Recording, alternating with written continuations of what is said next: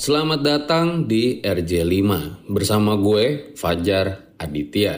Sebelum dimulai, gue mau ngasih tahu kalau nggak cuma gue, tapi lo juga bisa bikin podcast. Mulai dari rekaman, edit suara, tambah lagu, sampai bisa lo lakuin sendiri dengan platform Anchor. Satu aplikasi buat semua kebutuhan podcast. Bisa di-download dari App Store dan Play Store atau bisa juga diakses dari website www.anchor.fm. Gak cuma buat, tapi lo juga bisa langsung share dan publish hasil rekaman lo ke Apple Podcast, Spotify, Stitcher, dan lain-lain dari Anchor ini. Yang paling penting, Anchor ini gratis.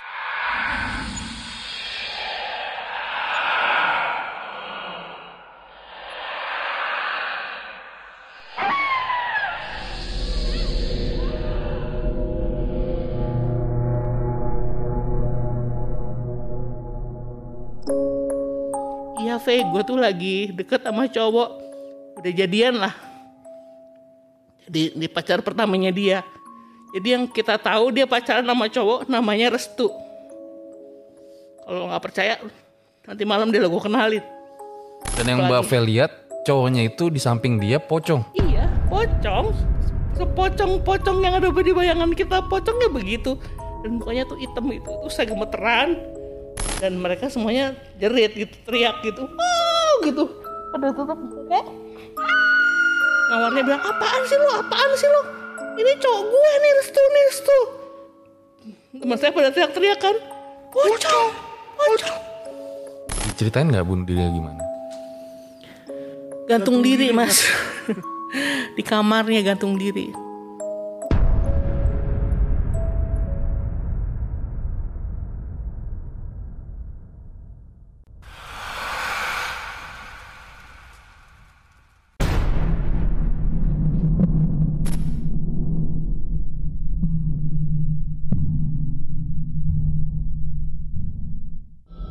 Oh Mamat, obrolan malam Jumat.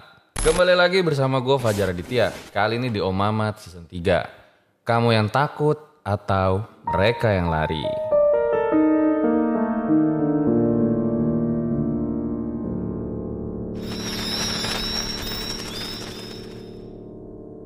Malam Jumat itu waktunya sama narasumber. Nah, kali ini agak spesial dikit di mana gue lagi mampir nih ke markasnya Mr. Popo, pemilik dari Do You See What I See. Do you see what I see?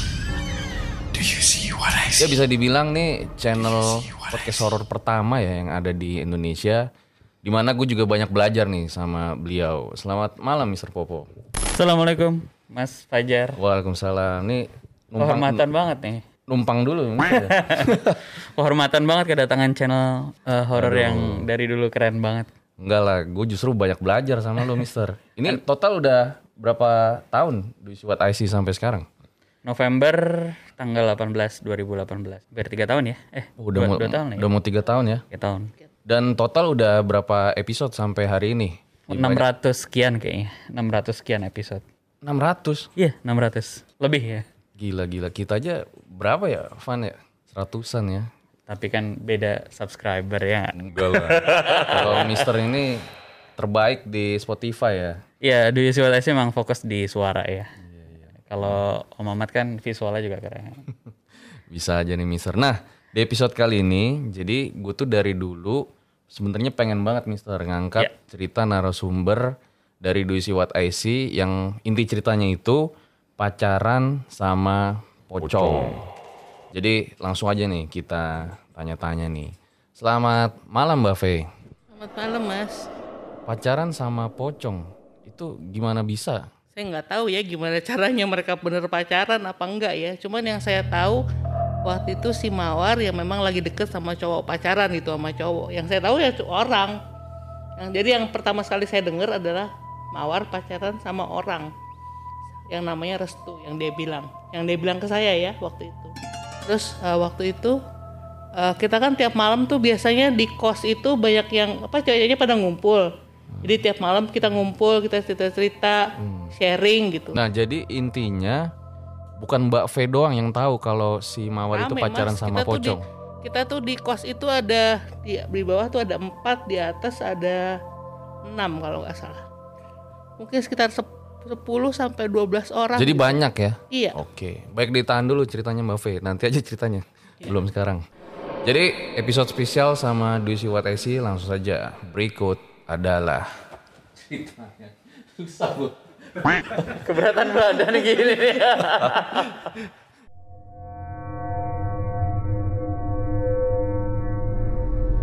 Jadi kejadian ini saya alami tahun 95. Waktu itu saya kuliah di sebuah universitas di Depok. Saat itu sebelum masuk kuliah ya seperti biasa ya, saya nyari tempatnya di kamar nyari kos dan saya dapat kamar kos yang besar. Waktu itu kalau nggak salah lantai bawah tuh ada empat lantai, ada empat kamar, di atas tuh ada enam.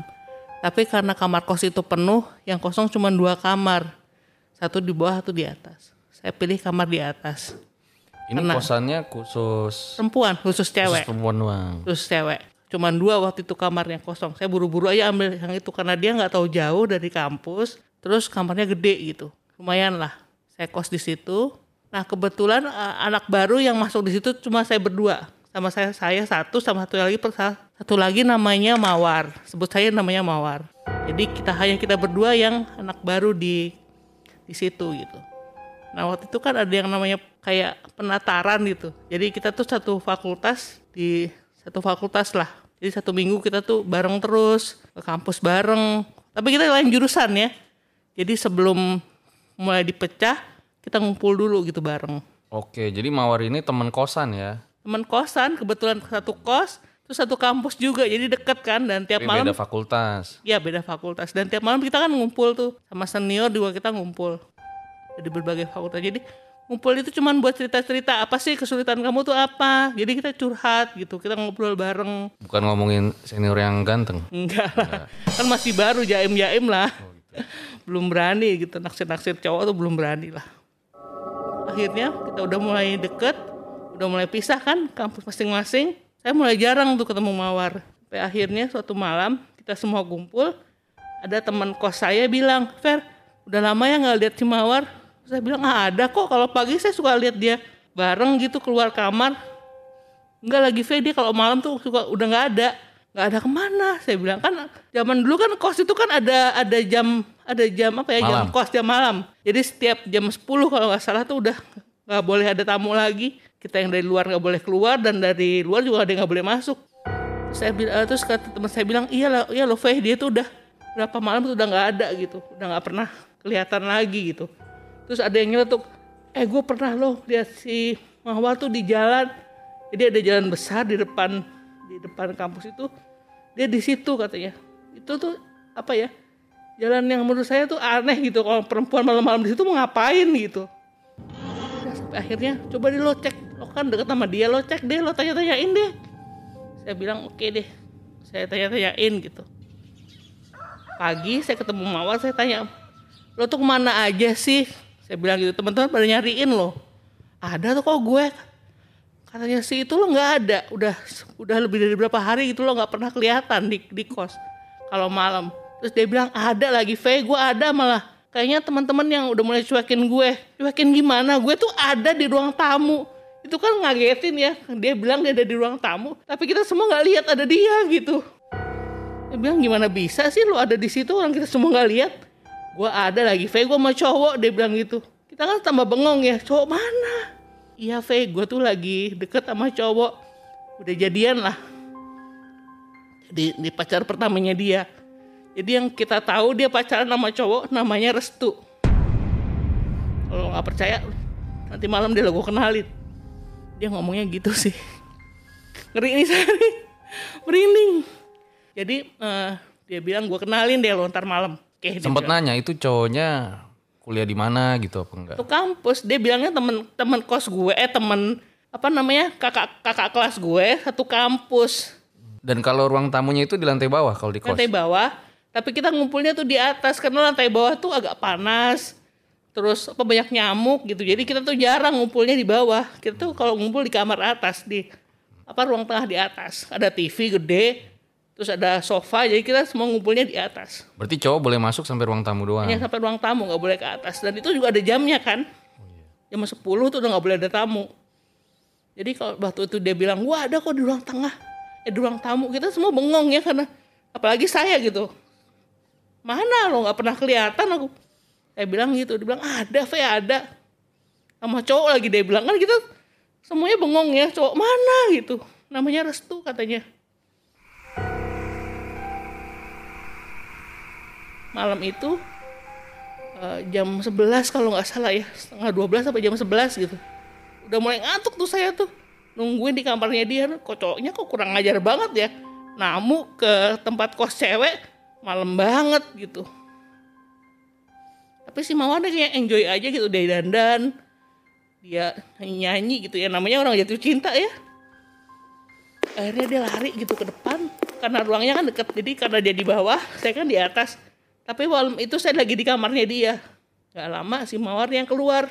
Saya bilang saya juga bingung ya waktu itu ya karena nggak kedengeran ketokan nggak kedengeran apa tapi dia keluar gitu. Dia keluar. Terus dia teriak nih restu nih dia bilang gitu. Ya udah saya keluar. Keluar kamarnya dia. Jalan tuh dalam hati tuh gondok gitu ini cowok kurang ajar banget ya. Namu udah tengah malam. Ngapain lagi malam-malam ke sini dan kok bisa kok, kok bisa dibukain ya pintu ya gitu kan. Tamu tanya gitu begitu saya lihat yang saya lihat itu pocong. Dan itu serem banget. Itu karena mawar kan anaknya agak pendek. Tuh dia tinggi. Menjulang gitu kayak di depan pintu tuh. Aduh saya udah nggak bisa ngomong saya jerit. Dan mungkin karena serem karena saya teriak semuanya pada denger kan. Akhirnya teman-teman saya tuh sekitar eh, mungkin 11 sampai 12 orang turun semua yang di lantai atas sama yang di lan- lantai satu tuh keluar semua pada ngeliat pada keluar pada ke tempat itu. Dan mereka semuanya jerit gitu teriak gitu wow gitu. Pada tutup kok ngawarnya bilang apaan sih lo apaan sih lo ini cowok gue nih restu nih restu. Teman saya pada teriak-teriak kan pocong pocong ya namanya perempuan mas ngelihat sosok begitu kan ngeri banget ya. Itu yang dilihat bisa dideskripsiin nggak? Di depan pintu gitu. depan pintu. Karena dia berdiri kan depan pintu. Ini kenalin cowok gue gitu.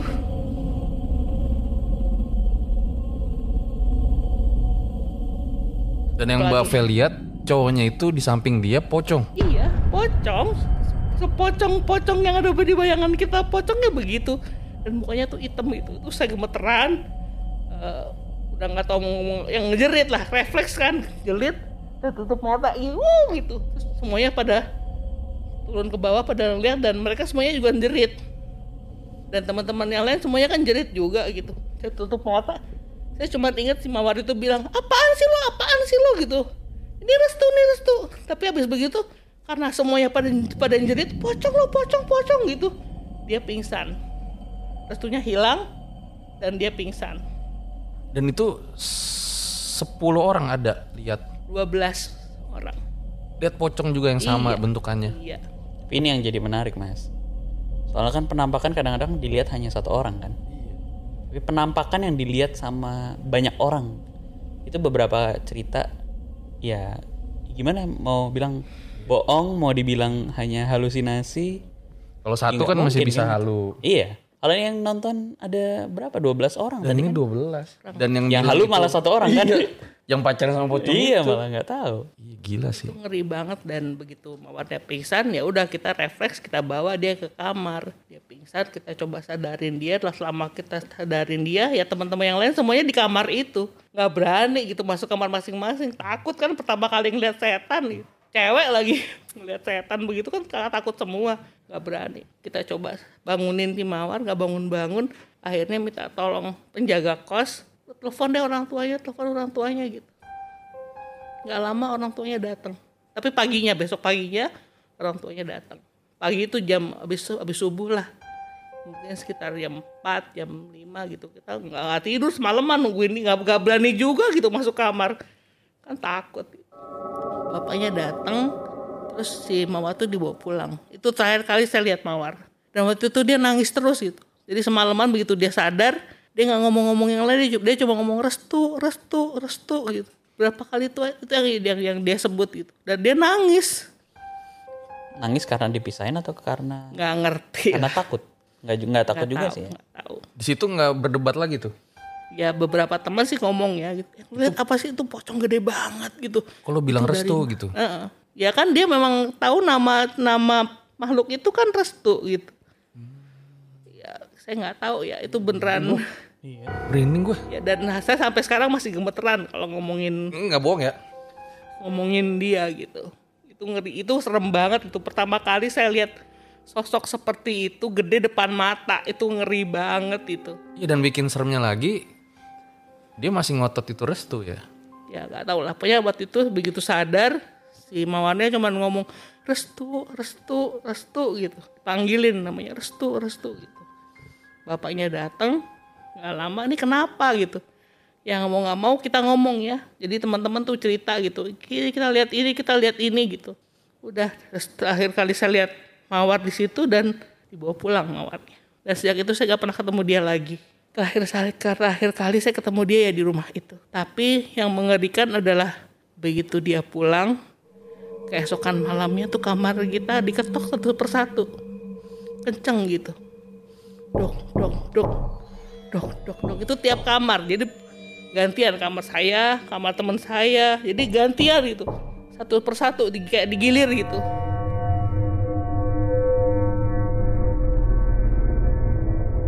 Dan akhirnya Tiap kita- malam itu. tiap malam. Sampai berapa lama?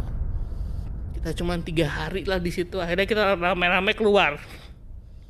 Kita semua keluar dari situ tapi sebelum keluar tuh bapak kosnya kan ngumpulin kita semua dia bilang oke kalau kalian semua mau keluar tapi tolong ya jangan ceritakan ini pada siapa pun mungkin untuk menjaga ya supaya apa jangan sampai tersiar kabar kalau Kosan itu kosan itu angker. berhantu Heh. ya udah sejak itu saya nggak pernah ketemu mawar lagi nggak tahu ceritanya dan ya nggak tahu kabarnya gitu Buat kalian yang punya pengalaman horor nyata, bisa kirim cerita kalian ke email rj5 atau DM Instagram rj5.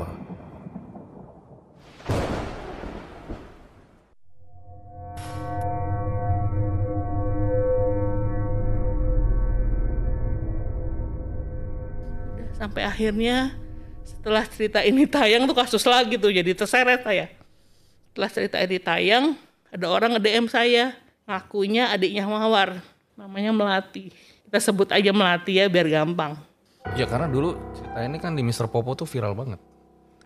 Ya, waktu itu Mbak V DM aku gara-gara cerita ini kan, Mas. Jadi eh, cerita ini selesai, cukup ramai ya, Mbak. Terus tiba-tiba ada DM si Mbak V bilang dapat DM nih dari orang, yang Orang yang ngakunya ngaku melatih saya adiknya Mawar adiknya Mawar. Terus waktu itu cuma satu pikiran kita ya, Mbak. Ini orang Wah, ngibul. apa apa jangan-jangan bukan. Apa jangan-jangan kita kayak mengungkap sesuatu yang nggak boleh kita sebut diceritain namanya mungkin. Atau kita nyebutin nama orang itu tersinggung kan gitu ya. Cuman takutnya itu aja. Terus waktu itu minta tolong Mbak V ya eh, Mbak coba tanya. Aku bilang ke Mbak V coba nanya bener nggak mawar ini namanya ini? Ya kan? Atau suruh dia nyebutin nama nama kakaknya. Nama aslinya lah. nama aslinya. Iya, dia sebut gitu. Ini Mbak V kan yang kuliah di sini angkatan segini, kakakku namanya Mawar Mewangi sepanjang hari gitu. Memang namanya aneh ya. Karena waktu itu namanya tuh mirip dengan guru saya waktu masih SMA. Jadi keinget banget gitu nama nama aslinya. Kaget kan saya. Saya buru-buru telepon Meister. Saya bilang, ter gue mesti ngapain nih gitu kan takut ya. akhirnya kita berdua dengerin lagi tuh mas apa nyebut nama alamat nyebut merek maksudnya yang berkaitan sama keluarganya gitu kan waktu itu aku cuma bilang gini ya mbak apa ceritanya kita turunin aja gitu kan kalau itu menyinggung orang Tapi si Mawar bilang nggak usah mbak, nggak apa-apa kok. Ini memang sebenarnya dari dulu aku simpen. Dan justru di sini ada sebuah yang terungkap. Iya.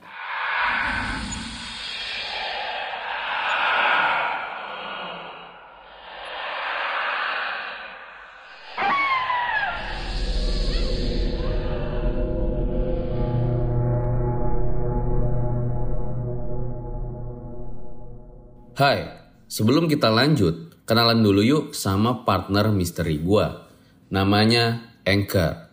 Anchor ini adalah all-in-one podcast editing platform yang membuat gua lebih mudah untuk rekaman, edit suara, tambah lagu, dan segala hal dalam pembuatan podcast yang sedang kamu dengerin kali ini. Anchor bisa membantu kamu bikin podcast kamu sendiri. Caranya tinggal download dari App Store dan Play Store atau bisa juga diakses di www.anchor.fm.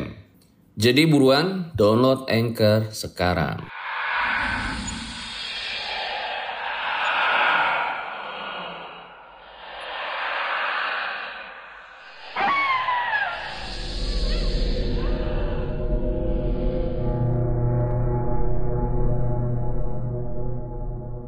Sejak saat itu mungkin dia bilang ini sebenarnya udah lama aku pendam aku pingin ceritain.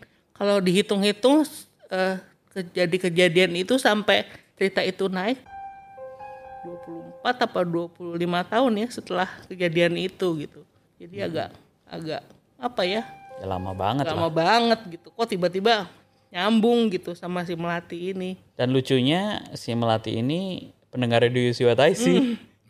Pendengar dari pertama malah dia bilang Boleh dijelasin nggak, Mbak? Setelah 20 tahun setelah cerita di Do You See What I See naik ya? Nah, gimana ceritanya?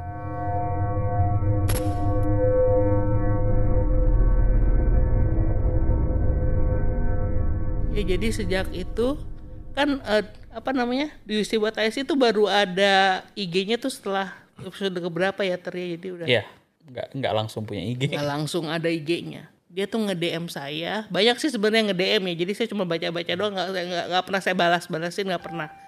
Cuman ini DM-nya tuh menarik gitu karena dia bilang aku tuh mawar mbak, aku adiknya si ini. Melati maksudnya. Iya, iya. Aku oh iya, melatih aku adiknya melatih Mawar. adiknya Mawar kebalik. Aduh, saya pikir aduh nih apalagi ya, saya kan takut ya. Saya DM Mister, ntar gue mesti ngomong apa nih gitu.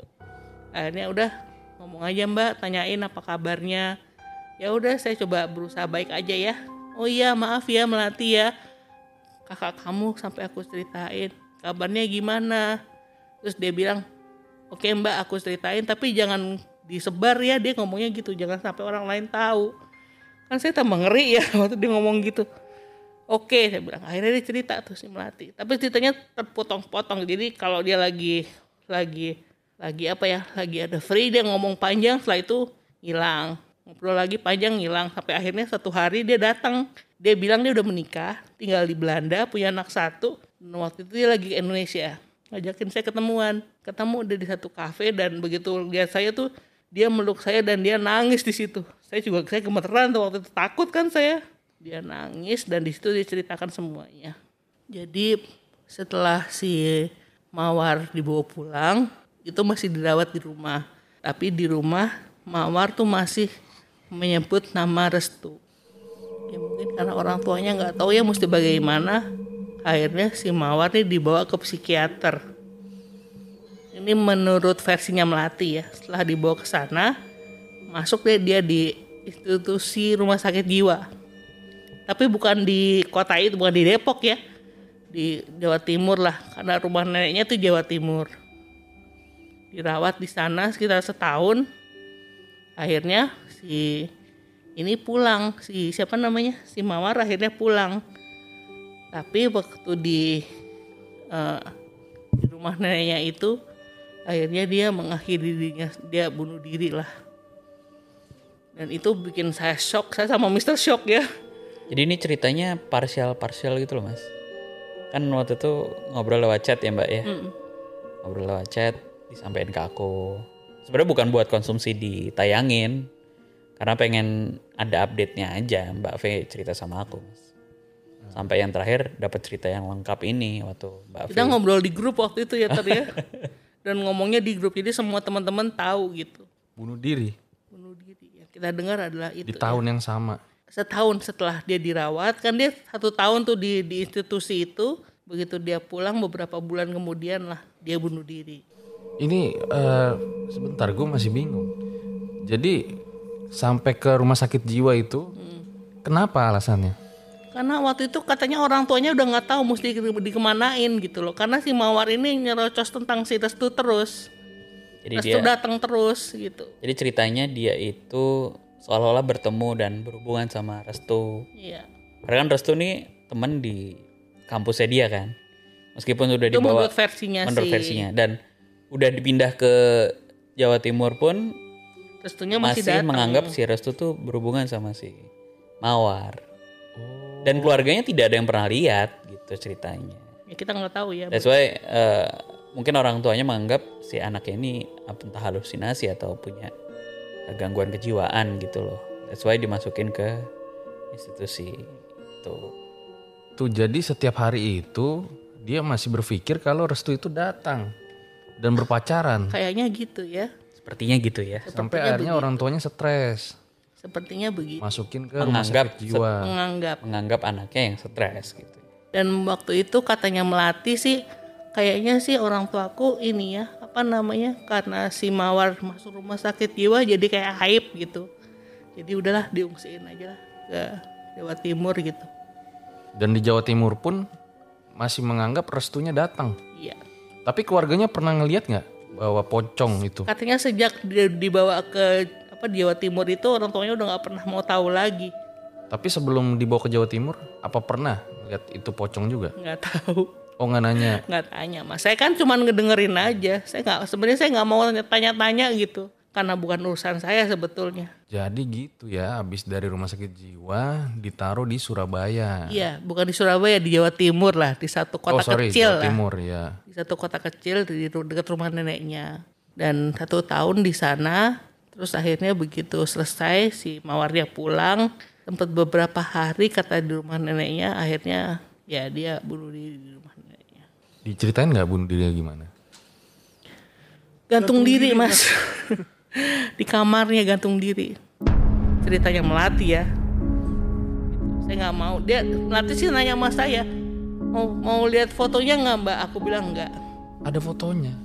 ada fotonya. Foto jenazahnya mungkin jenazah udah sudah dimandikan sudah udah dikafanin gitu. Jadi cuma nanya mbak mau lihat fotonya nggak? Aku bilang nggak usah deh.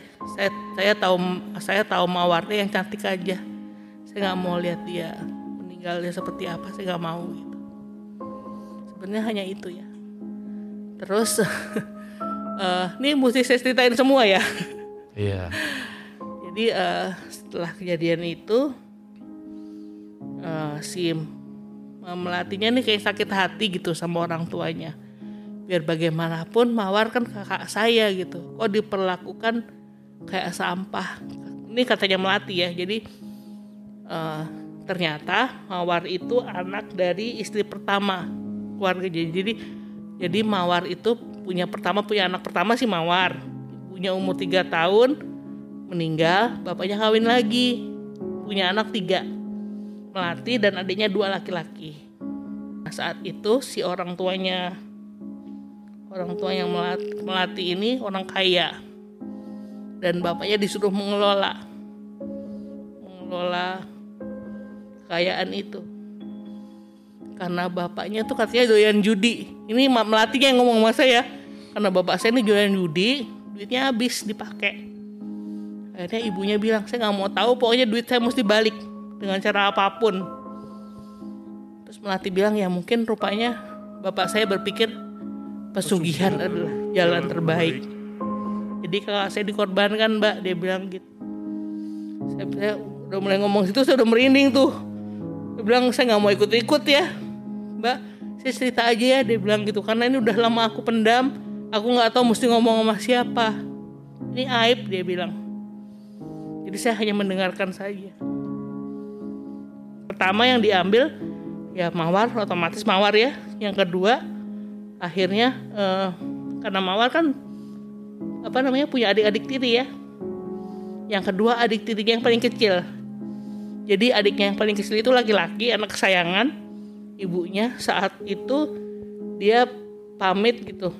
Pergi bawa motor pergi aja gitu gak pamit nggak ngomong-ngomong nggak apa-apa. Pergi bawa motor. Akhirnya diketemukannya keesokan harinya katanya kecelakaan. Dan jenazahnya itu katanya eh, kecelakaan dengan kepalanya pecah tapi dia pas sebenarnya pakai helm full face aneh ya karena pakai helm harusnya helmnya kan terlindung ya kepalanya tapi kepalanya pecah saat itu. Adiknya meninggal ibunya stres ya. Anaknya begitu akhirnya ibunya jadi kayak gangguan jiwa dan akhirnya ibunya bunuh diri juga di kebun belakang rumah mereka. Aduh itu gimana ya?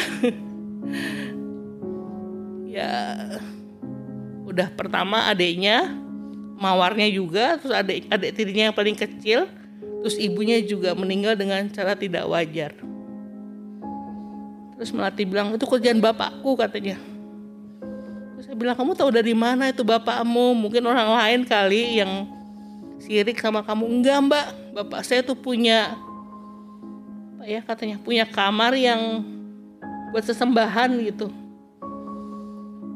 Jadi kayak satu ruangan katanya sih ruangan kerja. Tapi saya bilang kayaknya itu bukan ruangan kerja biasa. Karena di situ ada darah, ada bunga, ada kepala kambing, ada apa saya nggak ngerti itu. Dia bilang, saya lupa gitu detailnya. Cuman dia bilang ya itu, itu ibunya meninggal, nggak tahu gimana tuh katanya bapaknya kena juga gangguan jiwa. Bapaknya kena gangguan jiwa juga dan bunuh diri juga di dimasukkan ke rumah sakit jiwa kan bapaknya. Bunuh dirinya di rumah sakit jiwa. Bunuh dirinya di rumah sakit jiwa. Saya nggak tahu caranya gimana. Tapi Melati bilangnya begitu. Habis. Kan keluarganya habis maksudnya. Keluarganya habis. Gara-gara Jadi satu keluarga meninggal semua. Termasuk Melatinya dan adiknya yang kedua. Mawar maksudnya. Eh, yang Melati. nggak Melati. Akhirnya Melatinya meninggal. Akhirnya Melatinya meninggal juga.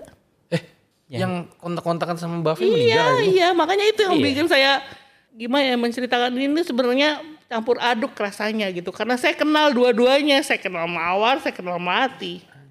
Segitu. Berapa lama ya Mbak? Tahun lalu ya? itu ya? Iya. Saya waktu itu saya foto kan makamnya gitu. Itu nggak tahu deh. Padahal waktu itu kan padahal saya pikir kan bapaknya kan udah udah meninggal ya. jadi saya pikir ya mungkin selesai gitu perjanjian dengan gaibnya udah selesai ternyata terus masih di Ya, walau alam terus ya. wallahu alam. Saya tahu tuh katanya eh, Melati meninggalnya mendadak. Yang kita dengar ya, yang disampaikan ke orang-orang yaitu Melati meninggalnya mendadak. Terus adiknya, sebelumnya ada adiknya, adik yang yang laki-laki baru Melati yang terakhir. Kok bisa tahu Melati meninggal tuh gimana Mbak Fe? Saya dikasih tahu sama suaminya. Lagi di Indonesia. Kan eh, mungkin karena waktu itu Melati kan memang mau ya, memang janjian tadi sama saya mau ketemuan. Dia nginep di satu apartemen lah di Jakarta. Janjian, yuk ketemuan ya Mbak gitu. Aku mau ngurusin eh, apa warisan dia bilang ngurus warisan peninggalan bapak ibunya kan gitu sama adik kalian ketemuan aku sama adikku katanya ayo deh gitu. tadinya mau ketemuan gak jadi Tapi Melatinya sempet cerita nggak? Ya, Dia ngalamin horor apa aja? Enggak, cuman ket- ya, yang dia ceritain ya cuma waktu ketemu itu, ketemu di kafe itu, dia bilang ternyata bapakku nih mbak yang begini Dia begini. nggak ceritain pengalaman horornya. Enggak. Jadi dia ternyata dia datang ke Indonesia dua kali. Yang pertama ketemuan sama saya, yang kedua belum sempat ketemuan sama saya. Udah keburu meninggal. Tapi yang saya tahu katanya adiknya yang meninggal duluan. Baru dia. Adiknya saya nggak tahu meninggalnya kenapa. Itu saya, saya foto makamnya, saya share ke Mister. Tapi saya nggak sebut namanya siapa. Mister tanya siapa Mbak Fe? Aku diem aja. Shock saya banget shock. Sempat ngilang saya berapa bulan dari dari UC Bataisi. Agak gimana ya ceritainnya juga butuh effort gitu buat saya karena karena saya kenal gitu. Saya pernah pernah punya hubungan baik dengan keduanya. Jadi saya pingin taunya yang bagus-bagus aja deh mengenai keduanya deh. Oke nanti bakal banyak banget nih pertanyaan di closing.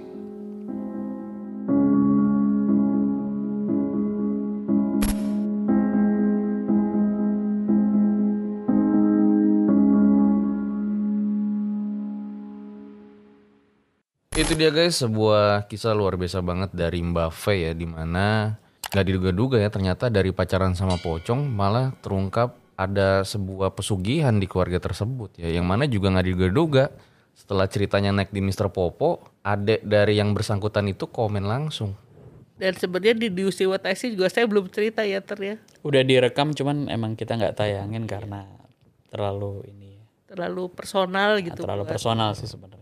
Cuman baru kali ini sebagai malah di menghormati juga kayaknya malah menghormati. di share juga ceritanya akhirnya.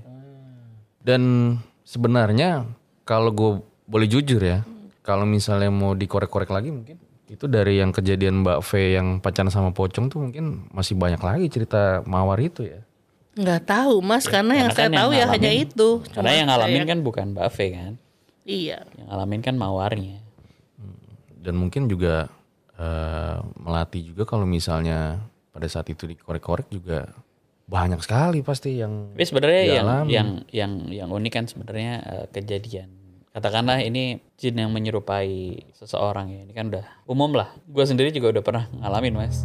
oh yang rumah yang ya. Cuman kan maksudnya ini kan terus menerus ya artinya ber eh, apa berhubungan, ngobrol dan secara fisik menyerupai orang yang memang bukan orang itu kan yang jadi jadi unik gitu ceritanya.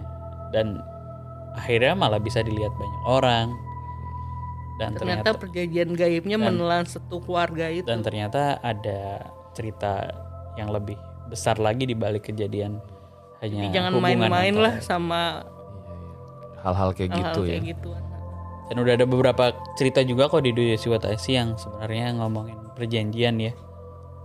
Pesugihan Pesugihan. Dan hampir semua kejadian yang berbau seperti itu. Artinya kan ada transaksional antara manusia dengan eh, jin lah atau apalah itu. Pasti diakhiri dengan ya tidak tidak happy ending gitu ya. Iya, selalu seperti itu ya. Eh, mungkin happy ending di dunia juga belum tentu di akhirat eh bu udah pasti sih. Dan kadang di dunianya juga nggak happy ending. Dan iya banyak kejadian itu. Eh, sesaat banget itu kebahagiaannya, artinya eh, berhasilnya, suksesnya dan selalu diakhiri dengan hal-hal ya Oh iya, waktu itu kan habis kejadian yang pertama memang suaminya kaya lagi. Memang keluarga itu kaya lagi gitu. Mawar. Iya, setelah kejadiannya Mawar, mereka kaya lagi. Memang benar gitu ya, kaya lagi. hanya short term aja. Tapi sebentar, akhirnya adiknya yang diambil kan. Tapi ini eh, tadi gue lupa nanya nih. Mbak V, itu kejadian itu masih di semester 1 ya Mawar? Iya, nggak nggak sempat selesai kan? Bahkan semester 1 pun nggak sempat selesai. Ya mungkin baru kuliah kita baru kuliah sekitar enam bulan kayaknya. Saya juga kos di situ cuma enam bulan kayaknya. Jadi urutan kematiannya itu kalau boleh tahu tadi Mawar. Pertama mawar, terus eh, adiknya laki yang paling kecil laki-laki, terus adiknya ya? lagi yang naik motor.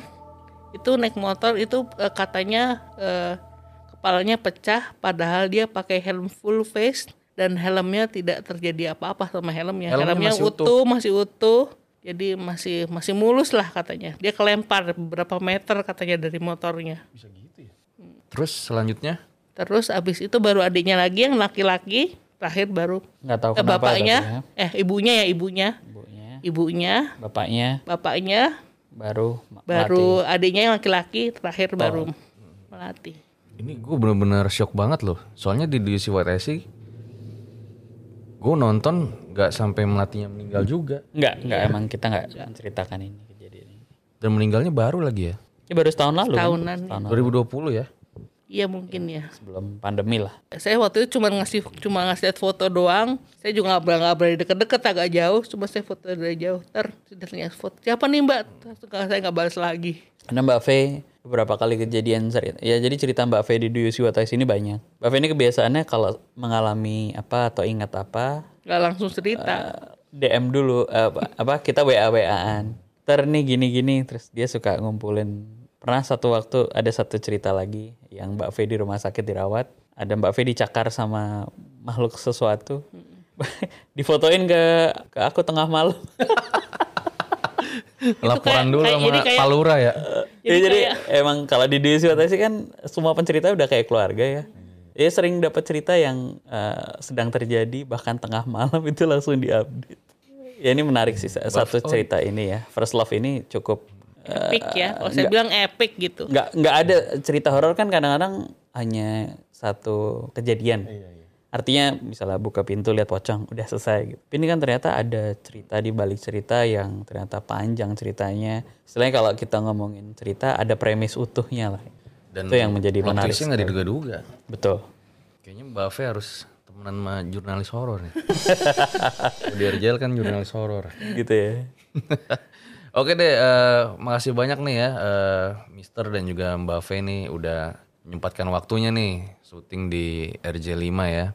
Dan buat Mister sendiri, Ya. kan kalian juga pasti udah tahu lah ya, ini kan legend banget nih podcast horornya. Mister ini punya banyak narasumber yang cerita-ceritanya itu wah gila sih.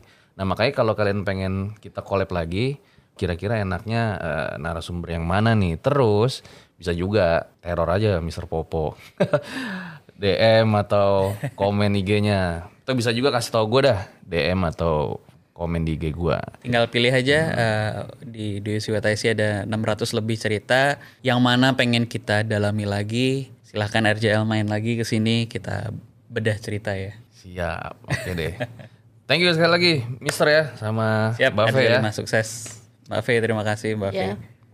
Ambil baiknya, buang buruknya. Dengan adanya cerita-cerita seperti ini, jangan malah menjadikan kalian takut. Akan tetapi kalian harus semakin yakin dan percaya dengan kebesarannya.